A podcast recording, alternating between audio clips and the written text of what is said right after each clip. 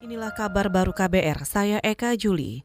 Saudara Presiden Joko Widodo menawarkan bantuan kepada pemerintah Cina untuk menangani penyebaran virus corona baru atau COVID-19.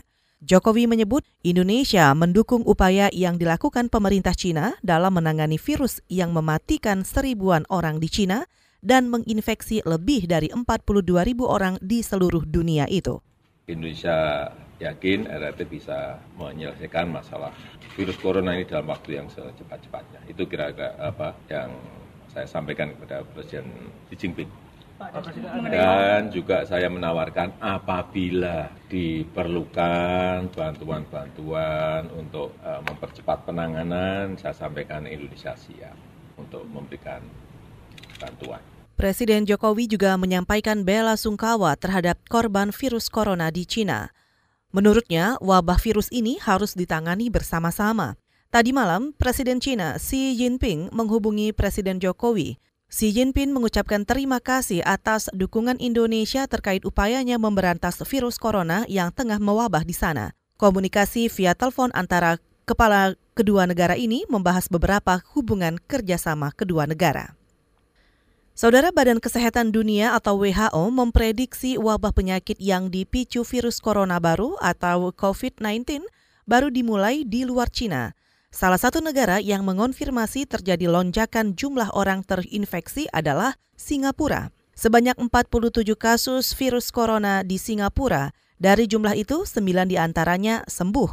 Saat ini wabah virus corona tengah memuncak di Cina. Rabu kemarin dilaporkan tambahan 2.000 lebih kasus baru dengan angka kematian lebih dari 1.100 orang. Otoritas Kesehatan Cina memprediksi epidemi, epidemi virus corona atau COVID-19 ini mereda di akhir April 2020. Kepolisian membongkar sindikat mafia tanah yang beraksi di Jakarta Selatan dengan kerugian ditaksir mencapai 85 miliar rupiah. Kapolda Metro Jaya Nana Sujana mengatakan ada 10 orang yang terlibat dalam aksi itu. Dua di antaranya masih buron.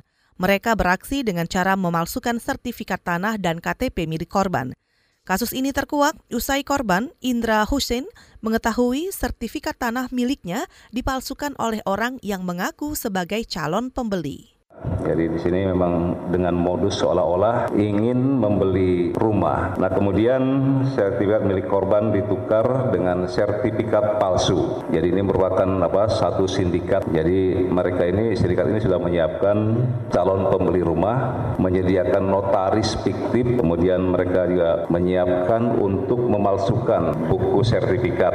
Kemudian ada juga orang yang disuruh untuk mengecek sertifikat tanah ke BPN. Kapolda Metro Jaya Nana Sujana juga menambahkan, dari hasil transaksi itu, para pelaku berhasil meraup uang, maksud kami meraup untung sekitar 11 miliar rupiah. Kepolisian menjerat pelaku dengan Undang-Undang KUHP dan tindak pidana pencucian uang. Saudara demikian kabar baru, saya Eka Juli.